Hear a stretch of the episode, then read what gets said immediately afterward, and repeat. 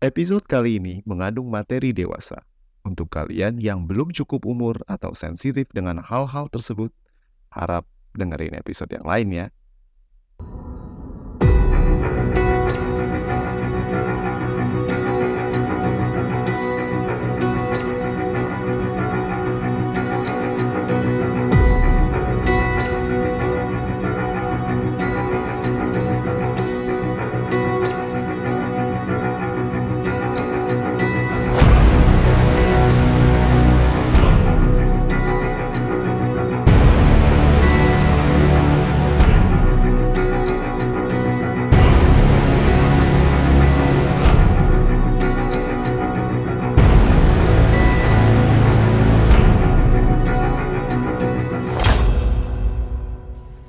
Halo semua pendengar mitologi santuy, podcast yang ngebahas mitologi dengan cara yang santuy. Selamat datang di bonus episode berbayar di laman traktir ini. Jika kalian bisa mendengar episode kali ini, kalian udah pasti traktir gue di laman ini dan untuk itu gue pengen ngucapin terima kasih banget buat dukungan kalian. As you know, nggak gampang bikin episode-episode mitologi santuy. Gue mesti baca sumber-sumber dan kadang gue mesti nyari waktu di sela kesibukan gue yang udah hektik banget buat nulis skrip atau mungkin rekaman.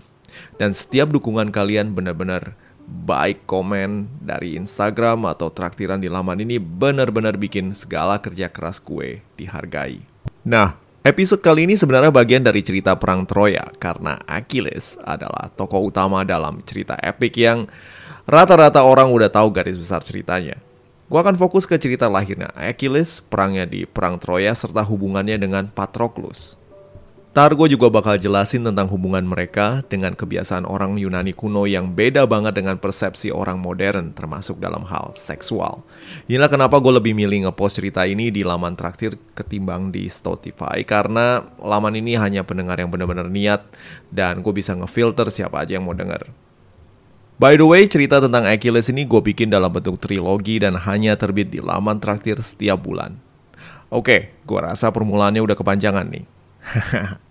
Yuk kita mulai. Achilles bisa dibilang sebagai superhero di mitologi Yunani. Beberapa penulis kuno bahkan menyebutnya sebagai seorang pahlawan yang setara dengan Hercules, Jason, Theseus, Bellerophon, dan juga pahlawan-pahlawan lain yang udah atau belum pernah gue ceritain di podcast. Kehebatannya dan perannya yang tak tergantikan di Perang Troya membuat cerita Perang Troya selalu melekat dengan peran Achilles di dalamnya. Dan ngebahas karakter yang luar biasa keren ini nggak mungkin tanpa ngebahas asal-usul kedua orang tuanya yang juga menarik buat didengerin.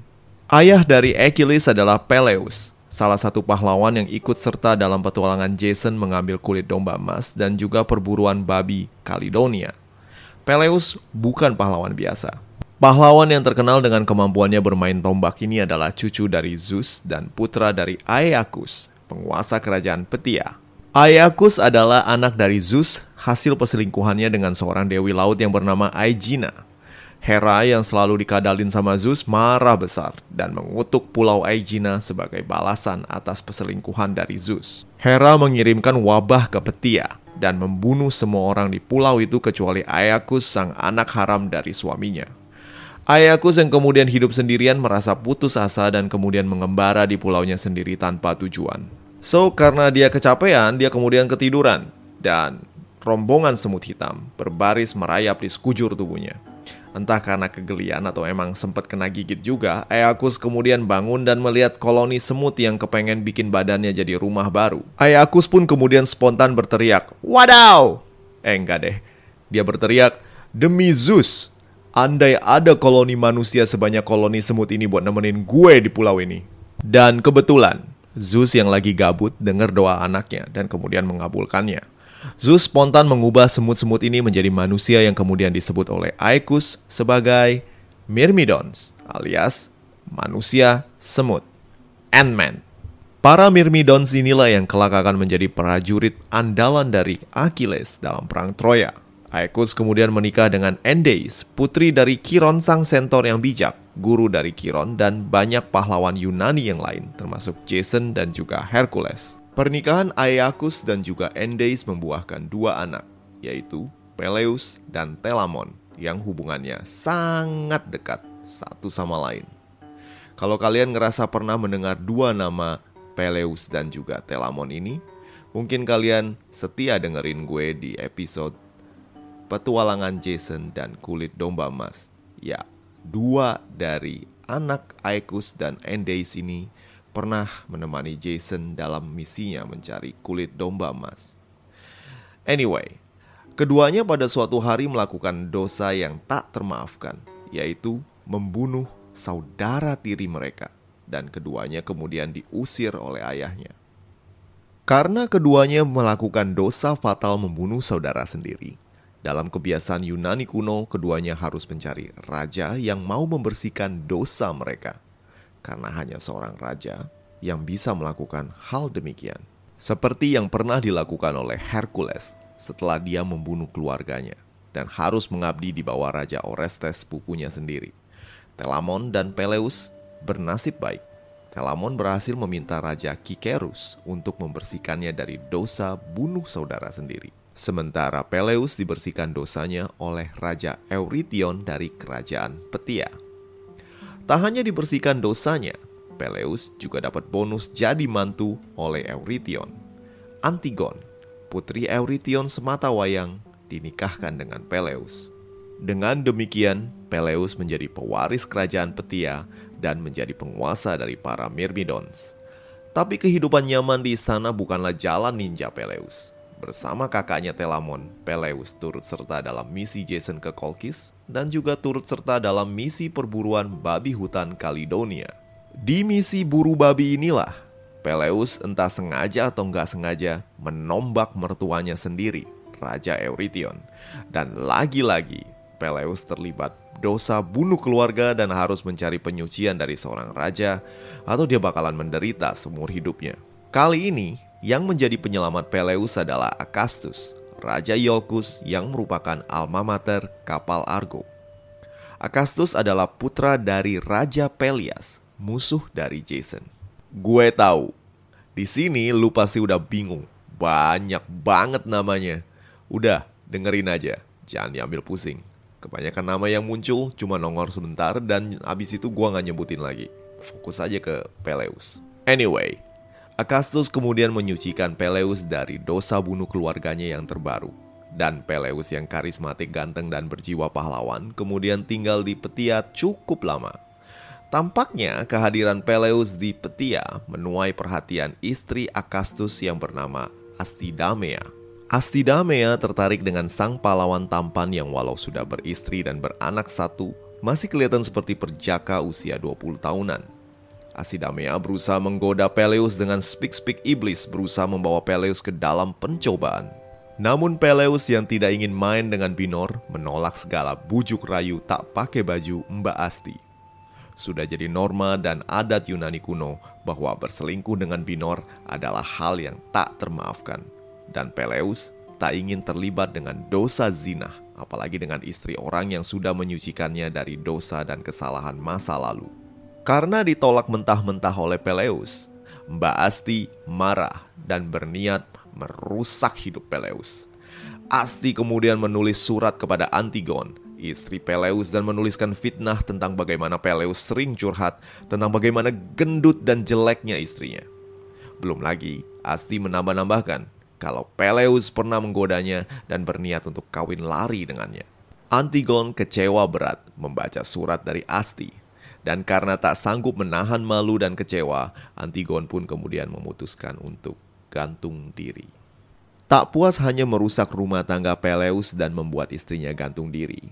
Asti ingin Peleus mati dengan reputasi yang rusak. Asti bermain drama sebagai binor yang setia dan memfitnah Peleus. Well, dia memfitnah Peleus, hendak menidurinya. Akastus yang dekat dengan Peleus awalnya tak mempercayai kata-kata istrinya. Namun, akting kelas sinetron Asti berhasil menuai kepercayaan suaminya. Sang suami Akastus tidak berani langsung membunuh Peleus karena Peleus adalah tamu dan hukum para dewa tentang melindungi tamu tak boleh dilanggar. Setelah membalas dendam, Peleus memutuskan untuk tinggal bersama Kiron di Gunung Pelion untuk belajar. Ada banyak yang ingin dipelajari Peleus dari kakeknya itu. Namun, setelah setahun berlalu, Kiron menangkap adanya perubahan dalam sikap Peleus. Sang pewaris kerajaan Petia tersebut nampak muram dan sering bengong. Awalnya, Kiron mengira Peleus masih merindukan mendiang istrinya. Namun ternyata, Peleus muram karena merindukan sosok yang lain. Peleus menjelaskan bahwa ketika berada di kapal Argo, dirinya pernah menatap sesosok wanita cantik dari dalam samudra. Wanita tersebut begitu anggun dan tatapannya tak pernah terlupakan oleh Peleus. Siang dan malam Peleus memikirkan siapa wanita tersebut. Namun, Peleus tak memiliki jawaban. Akhirnya Peleus bertanya kepada sang patung kayu di kapal Argo tentang identitas wanita di dalam laut tersebut. Jawab sang patung adalah, itu Tetis, calon istrimu. Tentu saja Peleus kaget karena dirinya telah beristri. Karena penasaran, Peleus terus bertanya tentang Tetis. Namun tak ada jawaban jelas selain wanita tersebut kemungkinan adalah seorang dewi laut. Mendengar cerita Peleus, Kiron tertawa terbahak-bahak. Sang cucu ternyata jatuh cinta pada sosok yang tak lain adalah kerabat jauh dari Kiron. Tetis adalah putri dari Nereus dan merupakan putrinya yang paling cantik. Begitu cantik sampai para dewa termasuk Zeus dan Poseidon berusaha mempersunting sang dewi. Tapi Prometheus, sang titan yang bisa melihat masa depan, memberikan ramalannya tentang Tetis anak dari Tetis akan jauh lebih berkuasa dari ayahnya. Zeus dan Poseidon pun mundur teratur dengan ramalan macam gini. Masih segar diingatan mereka bagaimana Kronos menumbangkan ayahnya Uranus dan Zeus sendiri menumbangkan ayahnya sendiri, Kronos sebagai penguasa semesta. Tak ada para dewa yang ingin anaknya jauh lebih hebat dari diri mereka sendiri. Menanggapi cerita Kiron, Peleus pun tertawa dan berkata, Emangnya kalau anak lebih hebat dari bapaknya kenapa? Gua gak keberatan kalau anak gua lebih hebat dan lebih berkuasa daripada gue sendiri. Malah gue bangga. Kiron tersenyum mendengar reaksi Peleus cucunya. Tak semua orang punya kerendahan hati seperti Peleus dan jelaslah seperti yang dikatakan oleh sang patung kayu. Peleus berjodoh dengan sang Dewi Laut. Kiron kemudian memberitahukan kepada Peleus bagaimana menemukan Tetis dan cara untuk memenangkan hatinya. Tetis seperti ayahnya Nereus adalah makhluk samudra yang memiliki kemampuan untuk berubah wujud dan punya kepribadian yang keras. Hercules pernah berhadapan dengan Nereus dalam salah satu dari 12 tugasnya. Hercules harus memeluk erat Nereus sementara ia berubah bentuk menjadi berbagai binatang dan rupa, sampai akhirnya Hercules berhasil menguras tenaga Nereus. Demikianlah caranya menaklukkan seorang dewa laut, dan Tetis pun bisa ditaklukkan seperti ayahnya. Mendengar saran Kiron, Peleus sempat berkecil hati karena dirinya bukan Hercules yang maha perkasa. Kiron menguatkan hati Peleus dan mengatakan bahwa dirinya memiliki hati dan keinginan yang keras, serta Peleus berjodoh dengan Tetis. Dan Peleus pun akhirnya berdiri di pinggir pantai tak jauh dari kuil Nereus. Sang pahlawan berteriak-teriak memanggil Tetis tanpa kenal lelah dari sebelum Helios berangkat kerja sampai berganti shift dengan Selene, sang rembulan. Peleus bersikukuh berdiri di tepi pantai memanggil nama sang dewi laut yang jelita.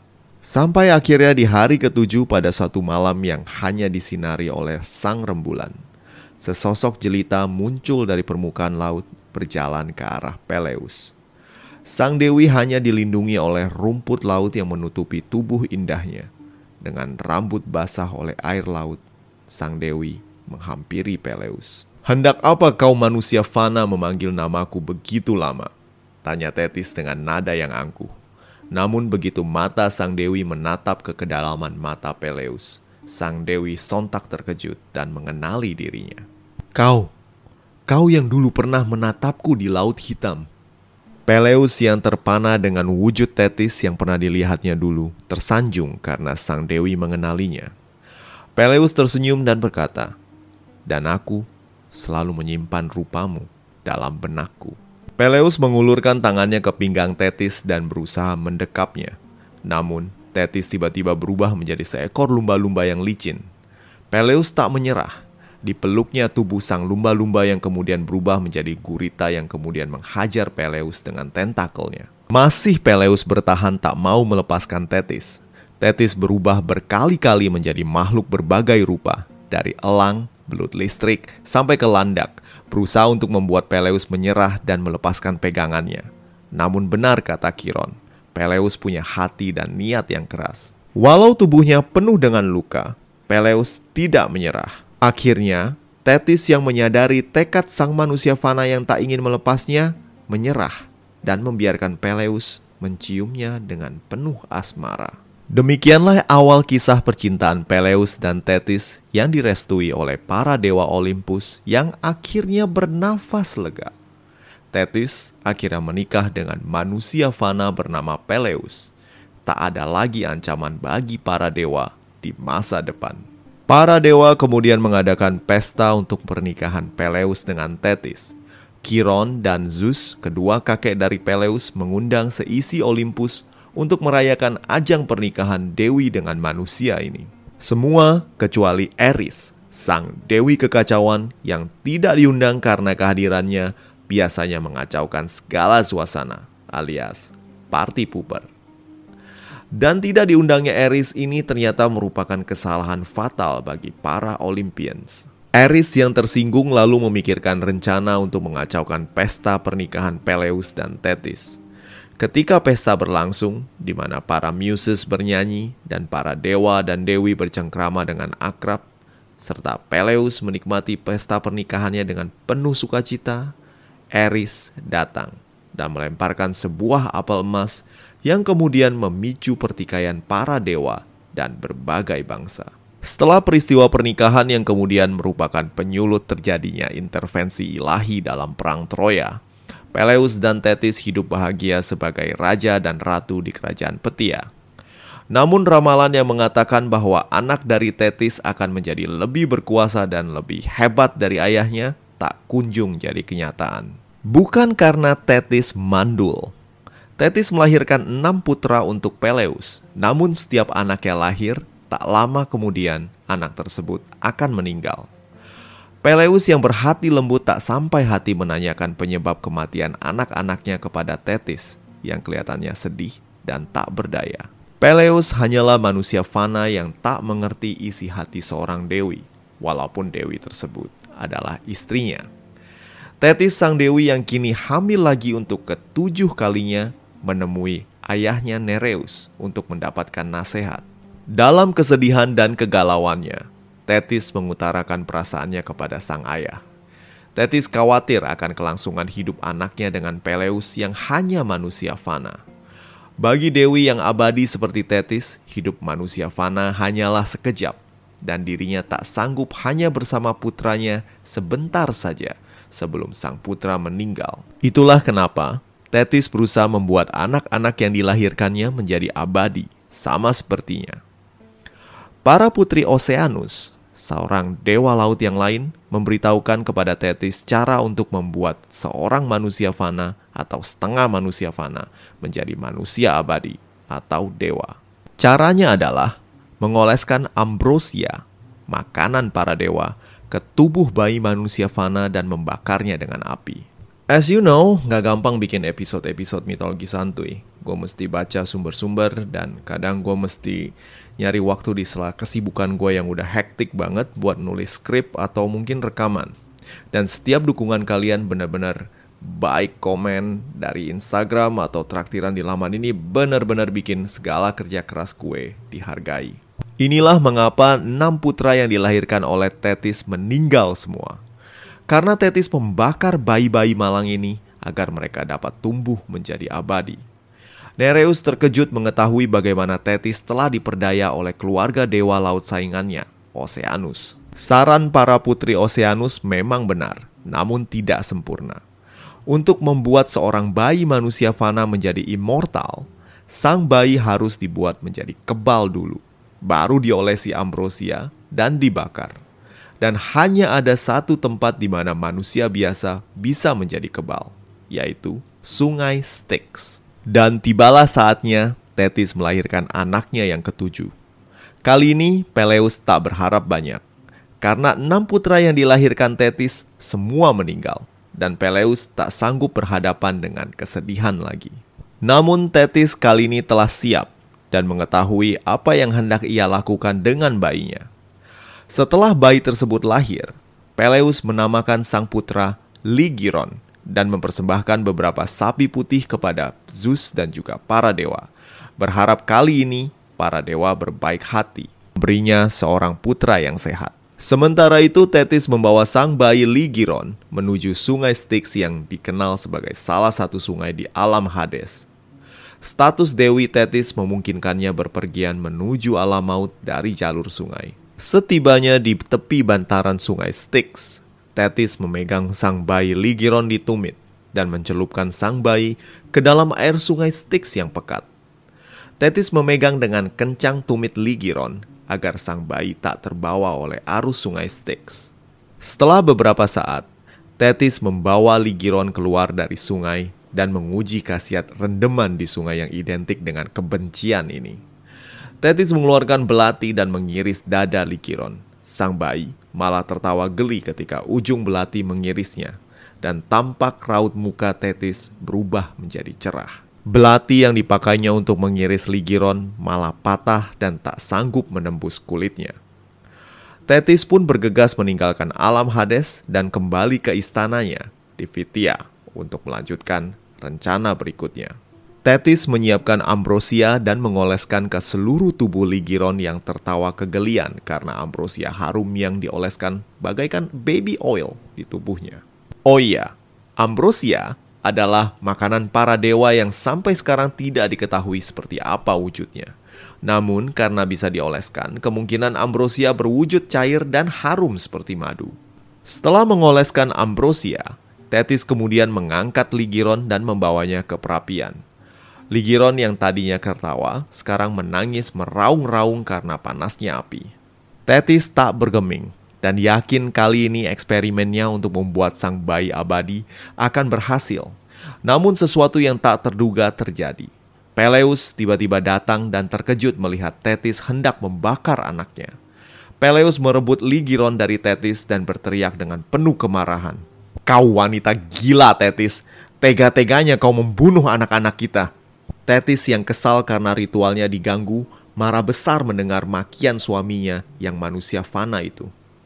Hanya rasa cinta kepada Peleus yang mencegahnya membunuh Peleus saat itu juga. Kau tidak mengerti apa yang kulakukan, teriak Tetis. Aku mengerti. Pergi kau, pergi dari sini.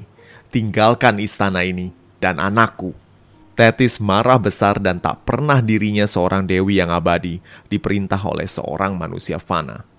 Tetis tak bergeming dan masih berdiri menantang Peleus. Ligiron menangis mendengar pertengkaran orang tuanya, dan Tetis yang sadar bahwa dirinya telah gagal melawan takdir para nasib, berteriak-teriak dengan frustasi. Dirinya telah gagal membuat putranya hidup abadi. Ligiron walau kelak akan lebih hebat dan berkuasa dibandingkan dengan Peleus, kelak akan meninggal seperti manusia fana. Tetis kemudian pergi dari hadapan Peleus dan tidak pernah menampakkan dirinya lagi. Peleus kemudian membawa bayi Ligiron ke Gunung Pelion, tempat dulu semasa muda dirinya dididik oleh Kiron dan juga tempat dirinya menikah dengan Tetis. Peleus menitipkan sang bayi kepada buyutnya Kiron untuk ditempa menjadi seorang pahlawan. Kiron menerima sang bayi dengan penuh kasih sayang, dan karena tidak menyukai nama Ligiron yang artinya tangisan dan keluhan dalam bahasa Yunani, mengubah namanya menjadi Achilles nama yang kemudian menjadi teror bagi musuh-musuhnya dan abadi hingga masa kini.